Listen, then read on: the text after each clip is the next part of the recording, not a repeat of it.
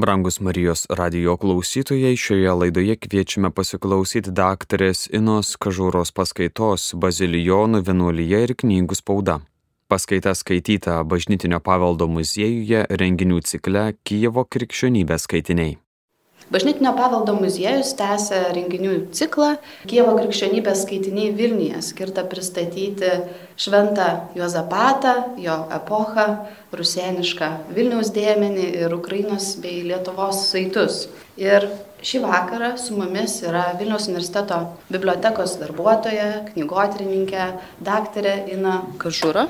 Daktarė Ina Kažūra, kuri mums papasakos apie bazilionus, bazilionų vienuolynus ir, ir knygas, knygų, knygų kultūrą ir kokią įtaką bazilionai padarė knygų kultūrai Lietuvos didžiojo kunigaikštystėje 17-18 amžiuje.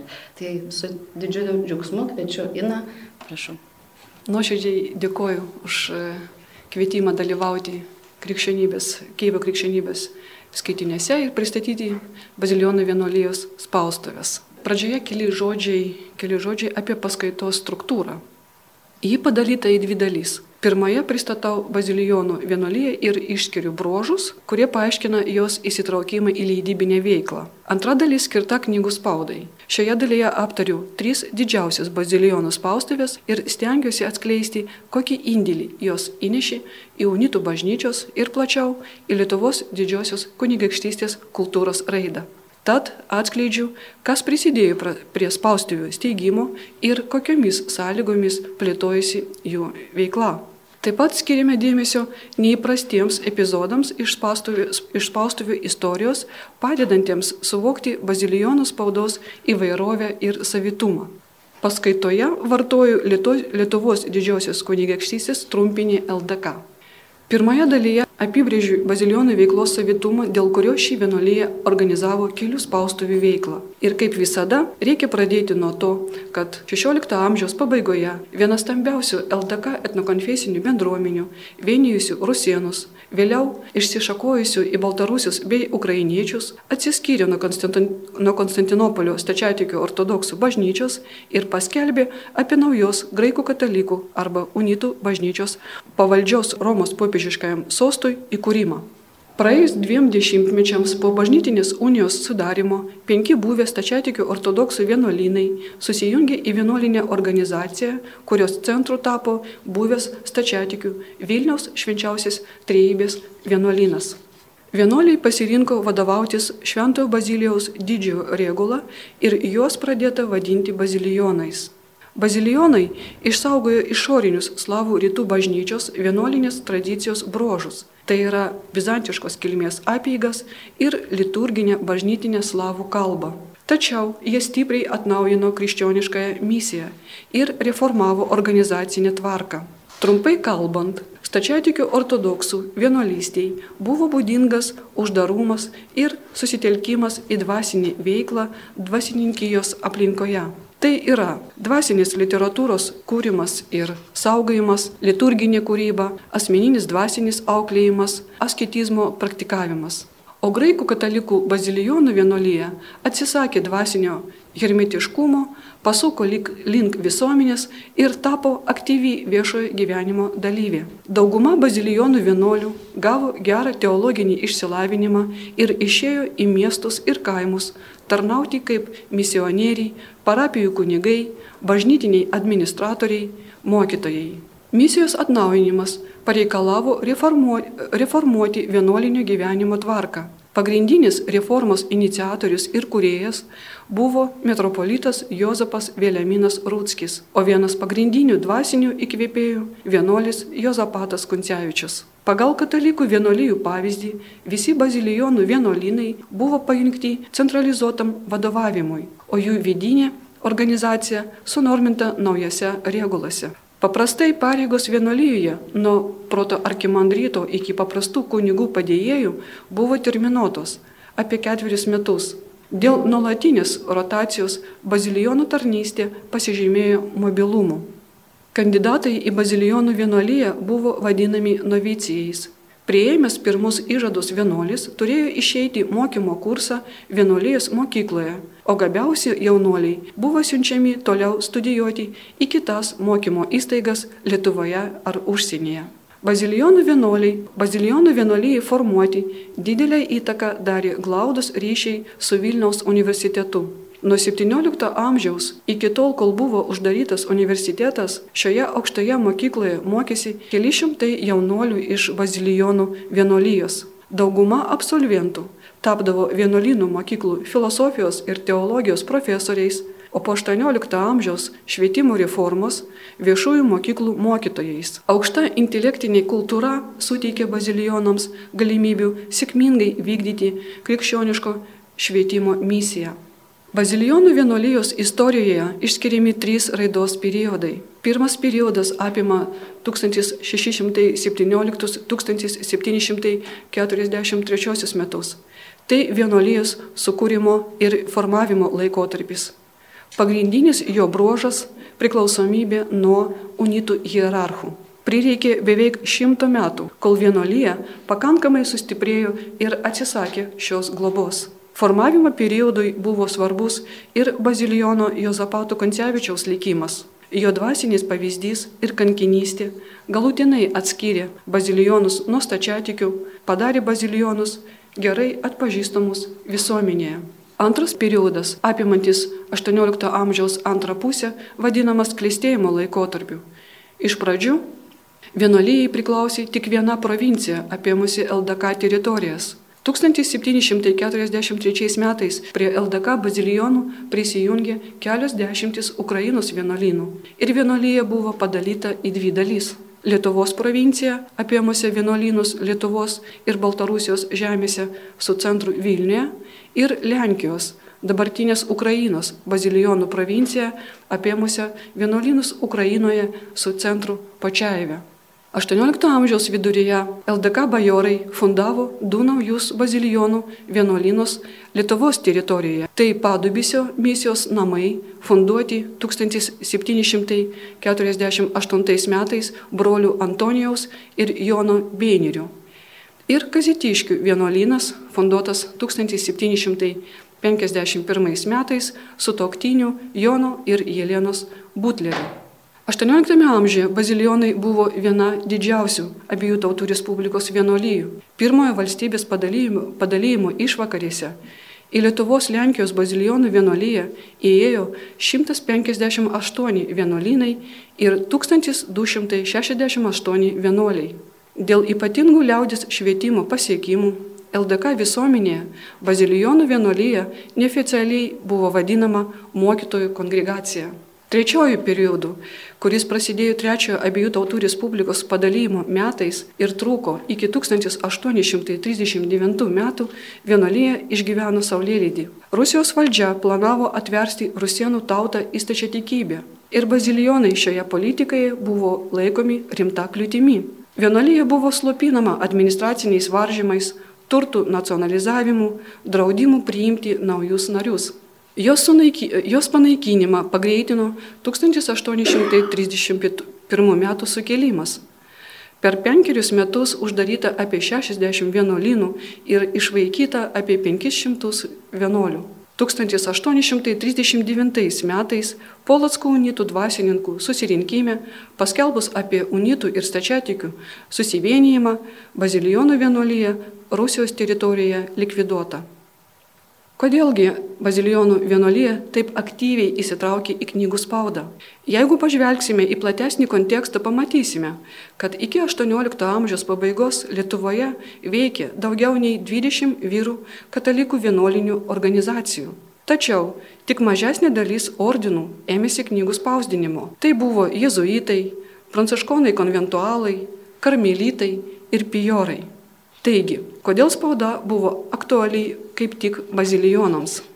Bažnytinės unijos e, išvakarėse knygų spauda naudojasi trys krikščioniškos konfesijos - stačiatikiai, katalikai ir protestantai. Subrastos bažnytinės unijos skelbimų atsirado ketvirtoji - graikų katalikų konfesija, pradėjusi aktyviai naudotis spausdintinėmis medijomis. Pirmųjų unitų knygų tematika plėtojusi keliomis kryptimis. Iš jų seniausia ir gausiausia buvo poleminio pobūdžio literatūra. Unitų polemikos kūriniai telkėsi aplink du įvykius - Brastos sinodą ir 1620 m. stačiatikių Kyivo metropolijos atkūrimą. 1623 metais Vytėpskė įvykęs tragiškas Polocko arkivyskupo Bazilijono Jozapato Koncevinčiaus nukankinimas nulėmė literatūros skirtos jo kulto kūrimui atsiradimą. Tai buvo istorinės relacijos, pamokslai, liturginiai tekstai, poezija. Kankinio Jozapato kultui skirta literatūra buvo plėtojama per visą unitų bažnyčios istoriją ir turėjo tarptautinį pobūdį. Bazilijonų spaudai atsirasti ypač didelę reikšmę turėjo liturginė tradicija. Liturginės knygos turi didžiulę reikšmę visose krikščioniškose konfesijose. Jos kodifikuoja ir unifikuoja bažnytinių apieigų tvarką, taip pat fiksuoja kiekvienos konfesijos teologinius ir dogminius skirtumus. Rusienų liturginė tradicija kildinama iš Bizantijos. Ji buvo perimama nuo X amžiaus ir užfiksuota Kirilikos raštu. Kirilikos liturginių knygų korpuse pirmą vietą užima Šventojo rašto knygos - Evangelija, Apaštalas ir Psalminas. Taip pat nuo seno slavų pamaldose naudojami Mišiolas, tai yra služebnikas, Brivijorius, tai yra Česoslovas, Apeiginas, tai yra Triebnikas, Gesminai Oktojechas ir Irmologijus ir kiti. Graikų apieigų katalikams reikėjo knygų bažnytinė slavų kalba, spausdintų kirilikos šriftų. Tačiau XVII amžiuje visos kirilikos spaudos įmonės priklausė stačiatikiams ir graikų katalikai negalėjo naudotis jų paslaugomis. Pažymėtina, kad Romos katalikai neturėjo liturginių knygų trūkumo problemos, nes lotiniškomis knygomis juos aprūpindavo vakarų Europos spaustuvės, kurių buvo gausų. Unitų hierarchai, spręsdami šią problemą, ieškojo pagalbos Romoje, tačiau ne vienas bandymas nepavyko. Kartu su bandymais spausdinti knygas užsienyje, unitų hierarchai stengiasi organizuoti vietinę spaudą.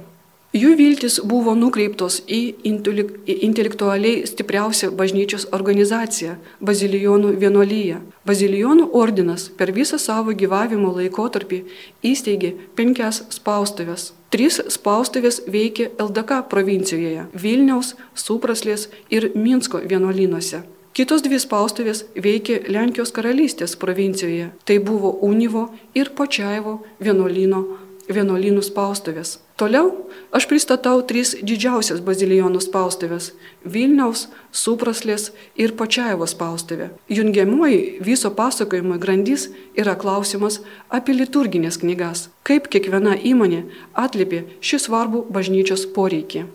Pirmoji spaustuvė - Vilniaus švenčiausias trejybės vienuolynas ir jo spaustuvė užima ypatingą vietą bazilijonų ir visos LDK istorijoje. Kunigaikštis Konstantinas Ostrogiškis pastatė švenčiausios trejybės cerkvę 1514 metais kaip padėkos ženklą už pergalį Oršos mūšyje. Įsikūręs, įsikūręs e, prie cerkvės vienuolynas tapo dvasiniu ir administraciniu bazilijonų vienuolijos centru, o jos spaustuvė buvo seniausia bazilijonų spaudos įmonė. Spaustuvės raidos savitumą lėmė lokalizacija valstybės sostinėje ir kaiminystė su stambiausia LDK teritorijoje Vilniaus akad... Jėzuitų akademijos spaustuvė. Vilniaus bazilijonų vienuolino spaustuvės istorijoje išskiriami trys veiklos periodai ir trumpai juos pristatysiu. Iki šiol mums nežinomi šaltiniai galintys nustatyti spaustuvės atsiradimo aplinkybės, tad apie jos pradžią sprendžiama iš išlikusių knygų. Spaustuviai organizuoti, organizuoti buvo panaudoti skirtingos kilmės ištekliai. Tipografinė medžiaga ir šriftai perimti iš Vilniaus Leono Mamoničiaus spaustuvės, o privilegijos įteisinančios naujos spaustuvės statusą iš Vilniaus švenčiausios trejybės miestiečių brolyjos. Tačiau, kas konkrečiai organizavo darbą, nėra duomenų. Iki 1655 metų spaustuvė leido knygas daugiausia lotiniškais spaudmenimis ir nustojo veikti Maskvos kariuomeniai okupavus Vilnių. 17 amžiaus antroje pusėje spaustuvė neilgam atkuriama graikų katalikų bažnyčios metropolitų Gabrielio Kolendos ir Kiprijono Žahovskio pastangomis. Metropolitas Kiprijonas Žahovskis, traktavęs spaustuvę kaip savo nuosavybę, nurodė 1693 metais perkelti jos įrangą į savo naują rezidenciją Supraslėje. Taigi bazilijonų spauda ilgiems dešimtmečiams išnyko iš Vilniaus spaudos žemėlapio. XVIII amžiuje Vilniaus bazilijonų spaustuvės atnaujinimą inicijavo bazilijonų ordino vadovybė. Pati vienuolyje šio laikotarpiu išgyveno klėstėjimą. Provincijos vadovybė leido spaustuvės prefektui savarankiškai užsiimti komercinę leidybą. Kiek tai naudinga spaustuvės materialiniai būkliai. 1768 metais prasidėjo ilgametis spaustuvės bendradarbiavimas su santykiais Rusijos religiniais disidentais. Taip pat bazilijonai užmėsgi kontaktus su žemaitijos pirkliais, kurie užsakinėjo katalikiškas knygas lietuvių kalba. Trečias spaustuvės veiklos periodas prasidėjo 1800 metais Rusijos senatui įvedus naują tvarką, dėl kurios spaustuvė tapo kontroliuojama pasaulietinių institucijų. Daug nuostolių spaustuvė patyrė Napoleono žygių į Rusiją metu ir per 1831 metų sukilimą. Galiausiai nuolatiniai administraciniai ribojimai visiškai užšaldė spaustuvės veiklą, o jos staklės ir šriftai 1845 metais parduoti iš varžytinių. Bazilionų vadovybė paskirdavo vadovauti spaustuviai išsilavinusius vienuolius, mokančius kelias kalbas. Yra žinoma, kad du spaustuvės prefektai baigė studijas Vilniaus universitete. Tai Bazilionas Niceforas Nieničius ir paskutinis spaustuvės prefektas Bazilijonas Niceforas Šimanskis. Pastarasis prefektas daug priešinosi spaustuvės perdavimui Rusijos administratoriams. 1839 metais jis atsisakė pereiti į stačiatikių bažnyčią ir buvo ištremtas į Kurską. Nuo 1628 iki 1839 metų Vilniaus bazilionų spaustuvėje išspausdinti iki 800 įvairiakalbių spaudinių - lenkų, lotynų, bažnytinės slavų, lietuvių, latvių kalbomis. Taip pat čia spausdinami panigyriniai kūriniai, kūriniai su tekstais italų, anglų, ispanų kalbomis. Pirmoji spaustuvės leidinių laikomas katekizmas rusienų kalba. Tai pirmas unitų bažnyčios tikėjimo pradžiamokslis. Seniai plinta nuomonė, kad jos autorius šventasis Jozapatas. Tačiau, tačiau tyrėjai nustatė, kad tai yra jezuitų misionieriaus Jokūbo Lėdėsmos katekizmo pritaikymas unitams. Paminėtina, kad pirmas lietuviškas katalikiškas katekizmas išspausdintas 1595 metais taip pat verstas iš ispanų jezuito. Pagrindinė bazilionų spaustuvės misija buvo aprūpinti graikų katalikų bažnyčią liturginėmis knygomis. Kaipgi Vilniaus spaustuviai pavyko atliepti šį poreikį? Ankstyviausios žinios apie liturginės knygos spausdinimą siekia 1670 metus. Tais metais buvo išspausdintas Kirilikos brevijorijus, kurio leidyba finansiškai paremė Vilniaus burmystrai. Deja, iki mūsų dienų neišliko ne vieno brivijoriaus egzemplioriaus, todėl nėra galimybės jo apibūdinti išsameu. Po kelių nesėkmingų bandymų Vilniaus bazilionų spaustuviai pavyko išleisti pirmą unitų bažnyčios mišiolą, kuris rodomas skaidrėje. Šią užduotį įgyvendino metropolitas Kiprijonas Žahovskis. Mišiolo leidyba buvo labai brangi, todėl metropolitas, metropolitas organizavo visoje Kyivo metropolijoje pinigų rinkimą. Iš viso buvo išspausdinta apie pusantro tūkstančio egzempliorių. Prie mišiolo spausdinimo svariai prisidėjo ukrainiečiai. Spaustuvininkas Damascenas Gerbestas ir redaktorius Samuelis Pilichovskis. Vilniaus graveris Leonas Tarasevičius išraižė šiam leidiniui antraštinio lapų iliustraciją ir mecenato Didiko Karolio Stanislovo Radvilos portretą. Nepaisant šių pirmų reikšmingų leidinių skirtų unitų bažnyčiai, Vilniaus bazilijonų spaustuvė nesugebėjo organizuoti liturginės literatūros spausdinimo. Visų pirma, tai įvyko dėl to, kad pačiame Vilniuje rusienų bendruomenė labai suartėjo su lenkiška kultūra. XVII amžiaus pabaigoje spaustuvininkai skundėsi, kad Vilniuje neįmanoma rasti žmogaus išmanančios slavų raštyje. Kita rimta priežastimi galima laikyti ir išriškėjusi lotiniškai išsilavinusių bazilijonų ir unitų dvasininkijos atotrukį. Taigi unitų liturginiai tradicijai Vilniaus spaustuvės repertuare priklauso tik septyni kirilikos šriftų leidiniai, o daugiausia liturginių knygų jie išspausdino sentikiams. Ypač didelę paklausą tarp sentikių turėjo psalminai.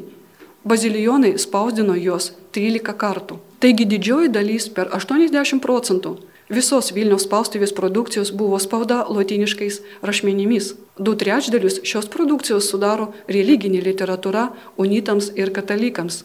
Tai yra literatūra skirta bažnyčios administraciniam reguliavimui, teologija, vienuolinių mokyklų teisės, poleminiai veikalai, pamokslai, meditacijos, šventųjų gyvenimai. Skaidrėje rodoma 1643 m. jezuito, jezuito Martino Hinčios pamokslų rinktinė. Antraštinio lapo frontispisa Bazilijonas paustuvės leidiniui išraižė žymus Vilniaus graveris Konradas Giotke. Vieną trečdalį Vilniaus bazilijonų spaustuvės lenkiškų lotiniškų leidinių repertuaro užima nereliginės paskirties knygos. Šioje grupėje dominuoja utilitarinio pobūdžio tekstai Tai yra skaitimo pradžiamoksliai, moksliniai veikalai, didaktikos kūriniai, ūkio žinynai, advokatų kalbos. Istorinio turinio leidiniams Bazilijonų repertuare priklauso edukacinės komisijos veikėjo Jurgio Kneževičiaus vertimas iš italų kalbos, kuris rodomas e, skaidrėje. Leidinyje aprašytas Romoje įvykęs teismas, kuriame buvo nuteistas Europoje išgarsėjęs avantūristas Aleksandras Kaliostras.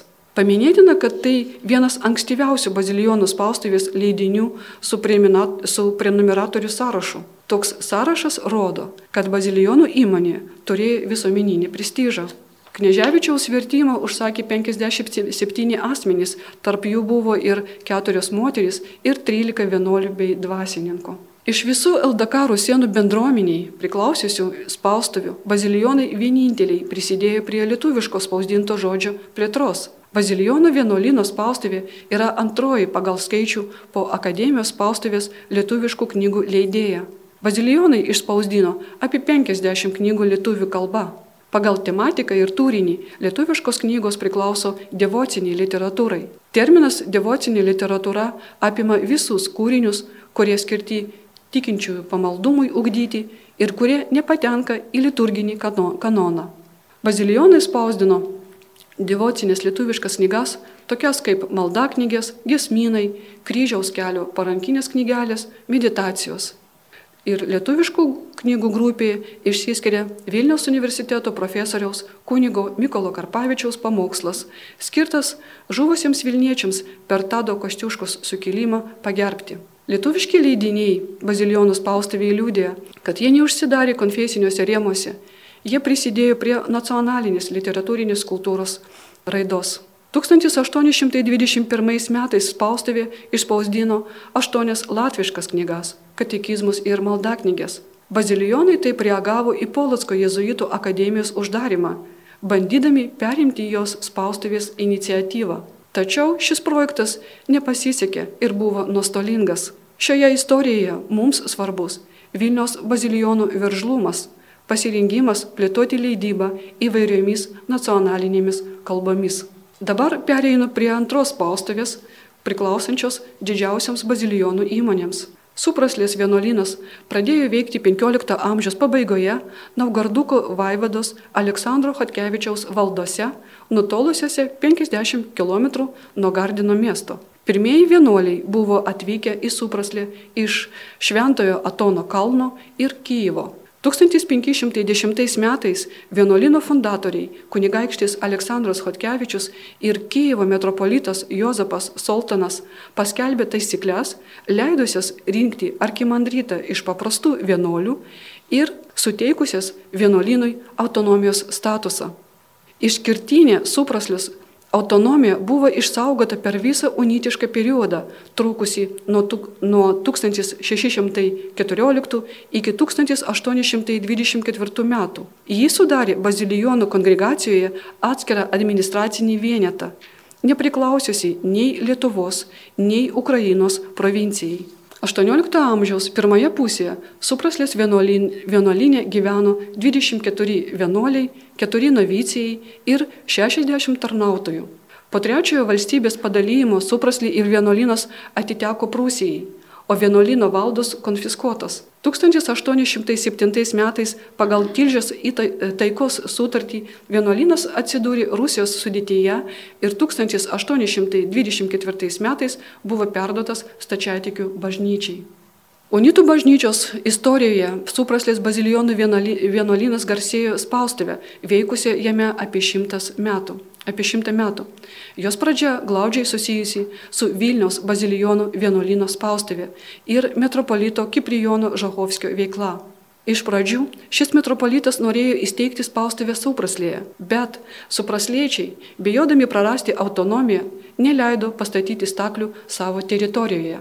Negalėjęs susitarti su supraslės vienuolynu, Žahovskis atnaujino spaustuvę Vilniuje Tačiau istorija tuo nesibaigė. 1693 metais metropolitas liepė išvežti spaustuvę iš Vilniaus į Supraslę ir netrukus mirė. Taip Supraslėje atsirado spaudos staklės. Metropolitas svajojo pratesti čia liturginių knygų spausdinimą ir norėjo išmokyti vienuolius spaudos amato. Po dviejų metų suprasliečiai baigė spausdinti čia Vilniaus Mišiolą ir išleido knygą apie rytų bažnyčios šventąjį Egipto atsiskyrėlį Onufrijų. Tai yra pirmasis supraslės spaustuvės pilnas leidinys. Po šio hagiografinių leidinio supraslės spaustuvės veikla visiškai sustojo. Pasakojimo apie rytų bažnyčios šventąjį autorius yra bazilijonas Jozapas Pietkevičius, Žerovicų vienuolino vyresnysis. Istorija apie Onufrijų, kuris daugiau nei 60 metų praleido dikumoje ir bendravo su angelais, priklauso asketiniai bazilijonų lektūrai. Onufrijaus gyvenimą išspausdino minėtas ukrainiečių spaustuvininkas Bazilijonas Damastenas Gerbestas. Ir čia norėčiau sustoti ir išsameu pristatyti šį Lietuvos dailės istorijoje nežinomą menininką. Damastenas Gerbestas yra kilęs iš Voluinės, jaunystėje tarnavo kariuomenėje Valakijoje, o vėliau įstojo į stačiatikių vienuolyje.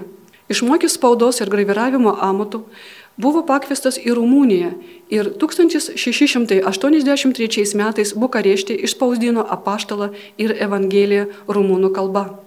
Vėliau Damastenas vertėsi spaudos amatų Lvyvė ir 1690 metais buvo pakviestas unitų metropolito Žohovskio į LDK sostinę.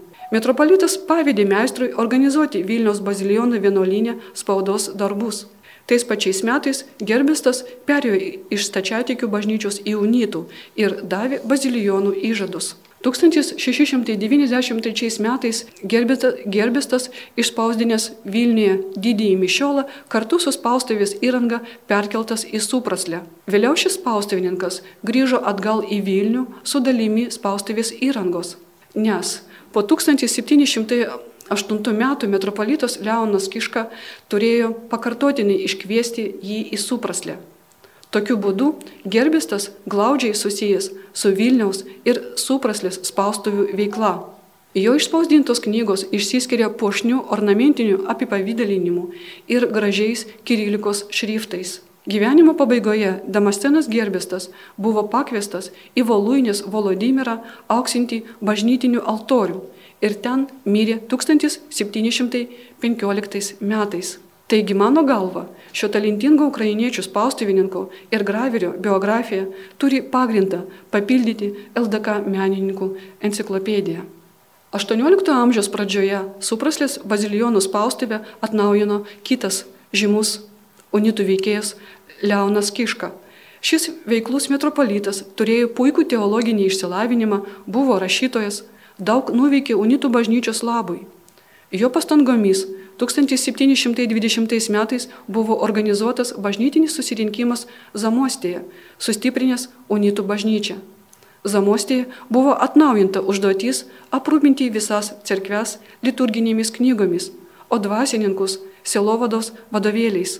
Leonas Kiška sėjo šio užmojo realizavimą su supraslės spaustuvė. Jis atnaujino spaustuvės įrangą, surinko specialistus, įsigijo iš Romos tikėjimo propagandos kongregacijos privilegiją. Spaustuvės sėkmė daugiausia priklausė nuo popieriaus atsargų. Leonas Kiška išsprendė šią problemą pastatęs netoli vienuolino popieriaus malūną. Supraslės popieriuje buvo spausdinami vandenženkliai, identifikuojantis gamintoją. Istorikas Edmundas Laucevičius rado apie dešimt įvairių spaustuvės vandenženklių kad ankstyviausias vandenženklis turi Leono Kiškos herbą, asmeninį herbą Donbrovą. Kitame vandenženklyje pavaizduotas Bazilijonų vienolyjos herbas ugnies stulpas. O trečias uh, supraslės popieriaus vandenženklis turi LDK valstybės herbą Vytį ir supraslės vietovės pavadinimą. Taigi, po zamostės susirinkimo supraslėje pradėtos ruošti spaudai unitų dvasininkijai reikalingos knygos sielovados vadovas ir bažnytinių terminų žodynas rusienų kalba. Jos buvo leidžiamos didžiuliais tiražais po kelis tūkstančius. Kita vertus, iki Leono Kiškos mirties spaustuvė išleido vos vieną liturginį kirilikos knygą - Oktojecha. Vėliau tokio pobūdžio knygos buvo spausdinamos labai retai. Po Leono Kiškos mirties nauji vienuolino vadovai neskiria spaustuviai pakankamai dėmesio. Jos repertuare vyravo tradicinės religinės ir panegyrinės literatūros spauda lenkų ir lotynų kalbomis. Kaip ir Vilniaus bazilijonų vienuolynas, supraslės bazilijonai užmėsgi ryšius su sentikių bendruomenė ir išspausdino jiems apie 45 kirilikos knygas. Situacija pradėjo keistis, kai 1784 metais supraslės spaustuvės prefektų buvo paskirtas bazilijonas Milėtijus Osuchovskis, išsilavinęs vienuolis, puikiai išmanantis knygos rinką ir kultūros tendencijas. Jam vadovaujant, supraslės spaustuvininkai daugiausia spausdino pasaulietinę literatūrą, o tai provincijos vienuolino spaustuvės atveju buvo neįprastas dalykas. Be populiarių kalendorių praktinių žinynų atsirado nauja apšvietos literatūra - grožiniai kūriniai, publicistika, edukacinės komisijos vadovėliai. Naujas prefektas reklamavo produkciją knygų kataloguose. Labiausiai jis išgarsėjo tuo, kad dažnai naudojo piratinį leidybą, perspausdindamas svetimus leidinius su klastingais leidimo duomenimis. Nelegali Osuchovskio veikla iš esmės turėjo tylų vyresniojo, vienuolino vyresniojo sutikimą, nes spaustuvės pelnas padėjo spręsti materialinės problemas. Skaidrėje rodomas jezuito Jono Bogomolico veikalas apie prietarus, vampyrus ir raganavimą, išpausdintas supraslėje su leidimo vieta Bžegas. Kita vertus, žinomas konfliktinis epizodas, kai vyresnysis liepė sudeginti Osuchovskio verstą ir išpausdintą traktatą žmogus išauklėtas pagal prigimtinį įstatymą. Taigi Osuchovskis buvo ne tik leidėjas, bet ir talentingas vertėjas. Jo dėka supraslėje buvo išleisti Francio Sheridano, Henrio Fieldingo, prancūzų rašytojos Šarlotos Šarbonije kūriniai. Supraslės spaustuvės prefektas taip pat išleido pirmą lenkišką Danielio Defo romano kapitono Guliverio kelionė vertimą. Akivaizdu, kad Osuchovskis nutolo nuo tradicinio spaustuvės prižiūrėtojo, kuris rūpinasi tik religinės literatūros sklaida tarp tikinčiųjų. Jis pasirinko švietėjišką misiją, pristatydamas pietrytinių LDK regionų gyventojams naujausius kultūros pasiekimus. Supraslės vienuolino spaustuvėje veikė dviejas staklės. 18 amžiaus pabaigoje prie jų dirbo aštuoni žmonės, visi pasauliečiai. 1790 metais Osuchovskiui pavyko įsigyti karaliaus privilegiją, tačiau ją nespėta pasinaudoti dėl pablogėjusios politinės situacijos. Supraslis vienuoliai aktyviai palaikė Tado Kostiuškos sukilimą, teikė materialinę paramą ir spausdino Gardino pavieto valdžios nutarimus. Po trečiojo padalyjimo supraslės vienuolynas atsidūrė Prūsijos sudėtyje ir po keliarių metų valdininkai privertė vienuolius parduoti spaustuvę privačiam vokiečių spaustuvininkui Joganui Apelbaumui. Taip ir baigėsi šios spaustuvės likimas. Supraslės spaustuvėje buvo išspausdinta apie 500 spaudinių, iš jų daugiau nei 70 procentų buvo knygos lotiniškais rašmenimis. Visą XVIII amžių spaustuvė buvo stambus regiono spaudos centras, apie kurį, apie kurį žinota, žinota ir LDK sostinėje. 1721-25 metais Vilniaus knygų pirklys ir leidėjas Jurgis Krakovskis išleido supraslėje penkis religinius ir pasaulietinius leidinius. Du kartus pagal Vilniečio užsakymą suprasliečiai perspausdino Juozapo Flavijaus žydų istoriją su Jeruzalės aprašymu. 1721 metais jo lėšomis išspausdintas maldynas aukso altorius lenkų kalba, o vėliau lotiniška maldaknygė skirta šventai Brigitai. Pažymėtina, kad maldaknygės tiražas buvo gana didelis - pusantro tūkstančio egzempliorių. Krakovskis turėjo sumokėti už jos spausdinimą 104 auksinus. Po kelių dešimtmečių kitas Vilniaus bibliopola, knygų pirklys Jozapas Ragauskas užsakė išspausdinti dvi knygas. Jo lėšomis supraslėje išspausdintas pirmas lenkiškas Henrio Fieldingo romano Kunigas Vikaras ir jo bičiulis vertimas ir bažnyčios mokytojo Bonaventūros veikalas Kristaus gyvenimas lietuvių kalba. Pastarasis leidinys buvo papuoštas iliustracija išražyta medėje. Jos iliustraciją mato, matome skaidrėje. Supraslė buvo patraukli ir instituciniam verslui. Bazilijonai tarpininkavo Vilniaus akademijos spaustuviai, platinant jos produkciją provincijos miestuose, miesteliuose, kilmingųjų dvaruose. Taigi, supraslis ir Vilniaus komerciniai kontaktai atskleidžia provincinės spaustuvės prestižą tuometinėje e, knygos kultūroje. Trečioji bazilijonų spaustuvė, su kuria šiandien susipažįstame, priklauso Ukrainos bazilijonų provincijai. Počaivo vienuolynas iki šiol tebėra vienas stambiausių po Kyivo Pečerų Lavros Ukrainos tačiatikių vienuolynų. Jis įsikūręs vakarų Ukrainoje apie 100 km nuo Lvyvo. 1597 metais bajorė Ana Goiskaja padovanojo vienuoliams Počaivo miestelį ir kelis kaimus. Be to, ji perdavė vienuoliams stebuklingą relikviją - Dievo motinos ikoną. 1773 metais popiežiaus Klemenso XIV Pačiaivo Dievo motinos ikona buvo iškilmingai karūnuota. Dėl šios relikvijos vienuolynas tapo pamėgta pamaldžių piligrimų apsilankimo vieta. Nuolatinis tikinčiųjų aukas na, užtikrino vienuolynui materialinę gerovę ir suteikė plačias galimybės platinti knygas. Nuo 1713 metų vienuolynas priklausė Unitų bažnyčiai. 1743 metais jis tapo Ukrainos bazilijonų provincijos administraciniu centru. Tai dar labiau sustiprino jo padėtį. Pačiaivo bazilijonų vienuolyno spaustuvę įsteigė Unitų bažnyčios administratorius, viskupas, e, viskupo padėjėjas Teodozijus e, Rudnickis e, Liubenieckis o visus organizacinius darbus atliko vienuolino vyresnysis bazilijonas Gedeonas Kozupskis. Nuo pat pradžių Pačiavo spaustuvės veiklą apsunkino konfliktai su Lvyvo miestiečių brolyje. Ši brolyje turėjo daug karališkųjų privilegijų, teikiančių kirilikos spaudos monopoliją Ukrainoje. Jau po pirmo smulkaus leidinio išspausdinto Pačiaivė 1730 metais brolyjas nariai pateikė į teismą protestą. Pačiaivo spaustuvės prefektas pasistengė įgyti dvi karaliaus privilegijas, leidžiančias Pačiaivį e, Kirilikos knygų leidybą. Tačiau tai mažai padėjo.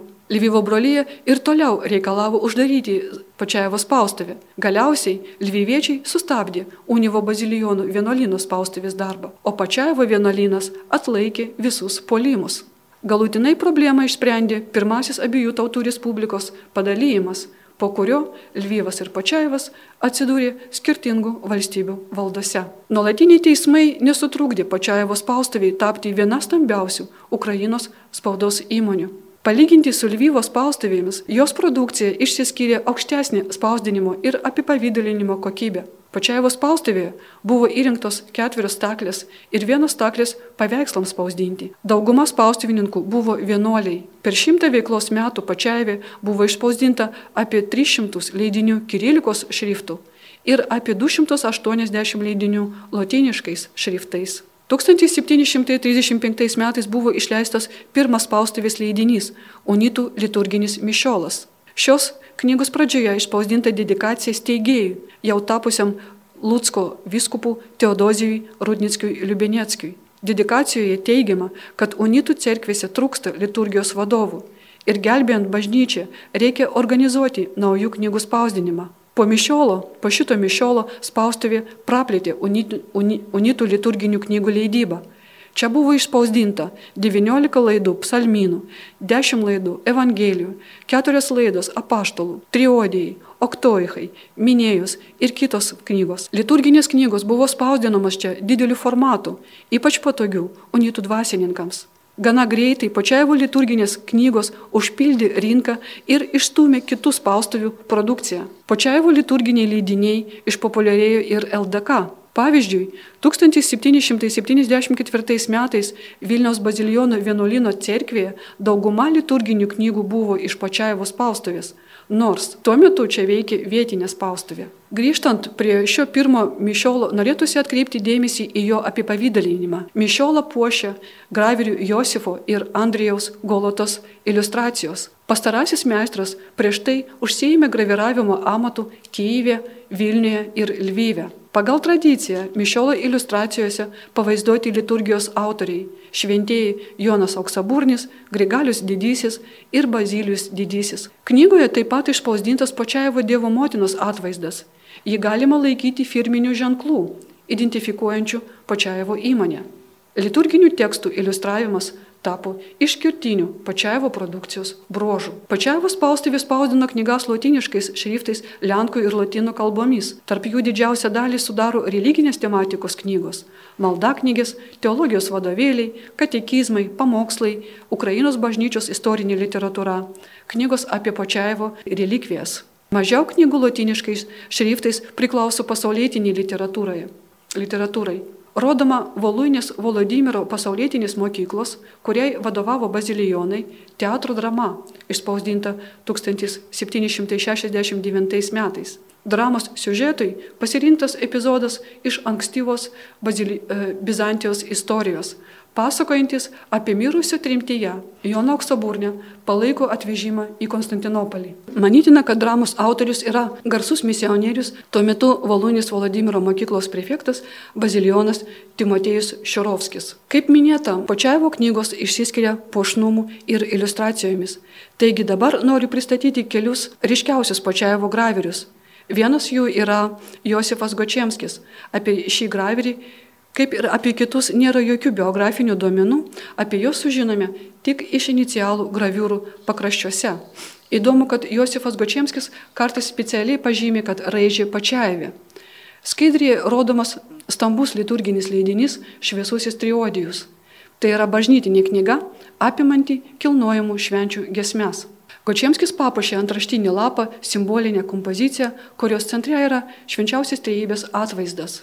Kadangi šviesusis triodijus apima šventes nuo Velykų iki visų šventųjų savaitės, tai iliustracijose pavaizduoti Naujojo testamento įvykiai.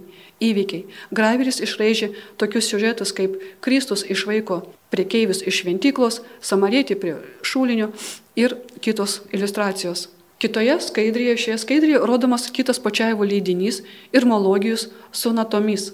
Tai yra liturginė knyga skirta chorui. Josifas Gačiemskis išraižė legendinio gesmių autoriaus Jono Damasceno portretą. Be iliustracijų graveris sukūrė teksto ornamentus. Matome, kad į ornamentinę užsklandą jis įpynė bazilijonų vienuolijos simbolį ugnies stulpą. 1798 metais pačiavi buvo išleista Biblija. Jos antraštinį lapą puošia dar vieno graverio Teodoro Strelbyckio iliustracija su simboliniu siužetu, sugretinančiu Senąjį ir Naująjį testamentus. Apatinėje graviūros dalyje sugretinamos dvi šventyklos, simbolizuojančios Naują ir Seną mokymą.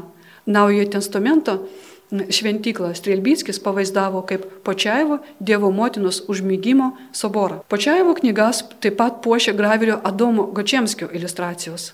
Sklando nuomonė, kad jis yra Josifo Gočiemskio sūnus ir armėniškos kilmės.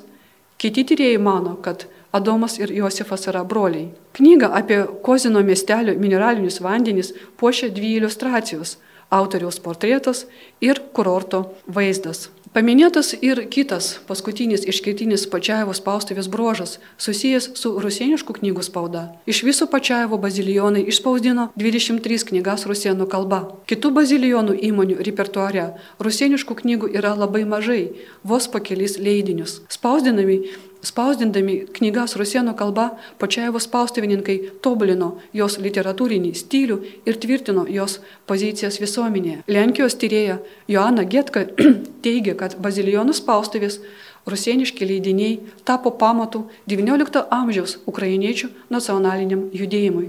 Vienas garsiausių rusieniškų leidinių yra religinių giesmių antologija Bogoglasnikas. Jį galima išversti kaip Dievo balsas. Pirma, pirma Bogoglasnikė surinkta 250 dvasinių giesmių. Daugiausia tai tekstai bažnytinės slavų ir rusienų kalbomis. Taip pat yra giesmių lenkų ir lotynų kalba. Dauguma giesmino autorių yra Ukrainos unitų parapijų dvasininkai. Apie išskirtinį Bogoglasniko populiarumą liūdė tai, kad iki 20 amžiaus jis perleistas 14 kartų. Pačiaevo spaustuvė sulaukė panašaus likimo kaip ir Vilniaus bei Supraslės spaustuvės. Po trečiojo valstybės padalymo Pačiaevo vienuolynas buvo prijungtas prie Rusijos. Spaustuvės veikla ir knygų cenzūra, cenzūra iš bazilijonų buvo perduota pasaulietiniai dvasininkijai. Pasikeitusios politinės santvarkos sąlygomis spaudos darbai patyrė nuosmukį. 1831 m. sukilimo metu spaustuvė bendradarbiavo su sukilėliais. Už dalyvavimą sukilime imperatorius Nikol, Nikolajus I įsakė perduoti Pačiaivo vienuolyną stačiatikių bažnyčiai. Unitų hierarchai bandė perkelti vienuolyno spaustuvę į Polotską, kuriame ketino atidaryti Unitų akademiją. Tačiau šis planas nepavyko ir spaustuvė perėjo į stačiatikių rankas. Taigi, susipažinome su trimis didžiausiamis bazilijonų vienuolijos spaustuvėmis Dvi spaustuvės veikia LDK teritorijoje, viena Ukrainoje. Visos spaustuvės teigėjai buvo unitų bažnyčios hierarchai. Jie visi siekė vieno - išspręsti liturginių knygų problemą. Šią problemą pavyko išspręsti tik XVIII amžiuje. Unitų cerkves liturginėmis knygomis aprūpino pačia, Pačiaevo vienuolino spaustuvė, esanti Ukrainoje. Ukrainos provincijoje slaviška tradicija turėjo daugiau šansų išlikti iki XVIII amžiaus nei LDK žemėse. Bazilionams pavyko sudaryti sąlygas nuolatiniai spaustuvių veiklai. Kiekvienoje spaustuvėje išryškėjo kryptis nulemta regiono aplinkos arba talentingų prefektų. Supraslės spaustuvė pasižymėjo leisdama naujausią apšvietos literatūrą Jei galime priskirti nuopelną, platinant kultūros naujoves nutolusiam nuo kultūros ir mokslo centrų regione. Kaip išskirtinį Vilnietiškos spaustuvės istorijos brožą paminėčiau knygų spausdinimą, spausdinimą lietuvių kalba. Taip bazilijonai prisidėjo prie tautinio judėjimo formavusio modernios valstybės koncepciją. Ta pati galima pasakyti ir Počiaevo spaustuvė Čia spausdinama literatūra rusienų kalba laikoma nuopilnų ukrainiečių nacionalinės kultūros raidai. Taip pat ukrainiečiams bazilijonams priskirtinas išskirtinis knygos meno puoselėjimas. Liturginėse knygose spausdinamos iliustracijos kūrė unikalią vietinę knygos meno tradiciją. Matėme, kad visos trys spaustuvės buvo priverstos sustabdyti veiklą. Dvi spaustuvės parduotos naujiems savininkams, o viena perduota kitai institucijai. Tačiau Bazilijonų vienuolyje atmintys apie spausdintinio žodžio misiją buvo išsaugota. Beveik po šimtmečio, kai tik atsirado galimybė, bazilijonai vėl pradėjo steigti spaustuvės. Šiandien jų įmonės veikia Ukrainoje, Rumunijoje, Kanadoje, JAV, Argentinoje, Brazilijoje. Apie bazilijonų paveldo unikalumą ir aktualumą gali paliudyti ir kitas reiškinys bazilijonų kūrinių tyrimai ir jų leidinių vertimai. Pavyzdžiui, 2009 metais Lenkijos mokslininkė Vanda Decik Zenba paskelbė 300 puslapių monografiją skirtą Bazilijonai Larijono Karpinskio knygai Geografijos žodynas, išleistai 1766 metais Vilniaus bazilijonų spaustuvėje. Lietuvoje turime kelis bazilijonų leidinių vertimus į lietuvių kalbą. 2013 metais į lietuvių kalbą išversta 17 amžiaus Simono Mankevičiaus knyga apie Trakų parapijos bažnyčios švenčiausiosios Dievo motinos mergelės Marijos stebuklus, kuri buvo išspausdinta Lenkų kalba Vilnius bazilionų spaustuvėje. O 2020 metais paskelbtas lietuviškas vertimas LDK didiko Mikalojos Kristupo Haleckio embleminio kūrinio Dvinaris, kurį bazilionai išspausdino 17 amžiuje lotynų kalba. Taigi, bazilijonų spaudos paveldas gyvas ir aktualus šio laikiniai kultūrai. Ir pabaigoje pridursiu, kad Vilniaus universiteto biblioteka, švesdama 700 Vilniaus jubiliejų, ruošiasi šiemet išleisti iliustruotą vadovą po senasias Vilniaus spaustuvės. Jame bus skyrius apie bazilijonų vienuolino spaustuvę. Tai dar vienas akstinas atkreipti dėmesį į šį įdomų reiškinį - bazilijonų spaudą. Tai ačiū uždėmesį. Šioje laidoje klausimės daktarės Inos Kažūros paskaitos Bazilijonų vienuolyje ir knygų spauda. Įrašas iš bažnytinio paveldo muziejuje vykusio renginių ciklo Kyjevo krikščionybės skaitiniai. Likite su Marijos radiju.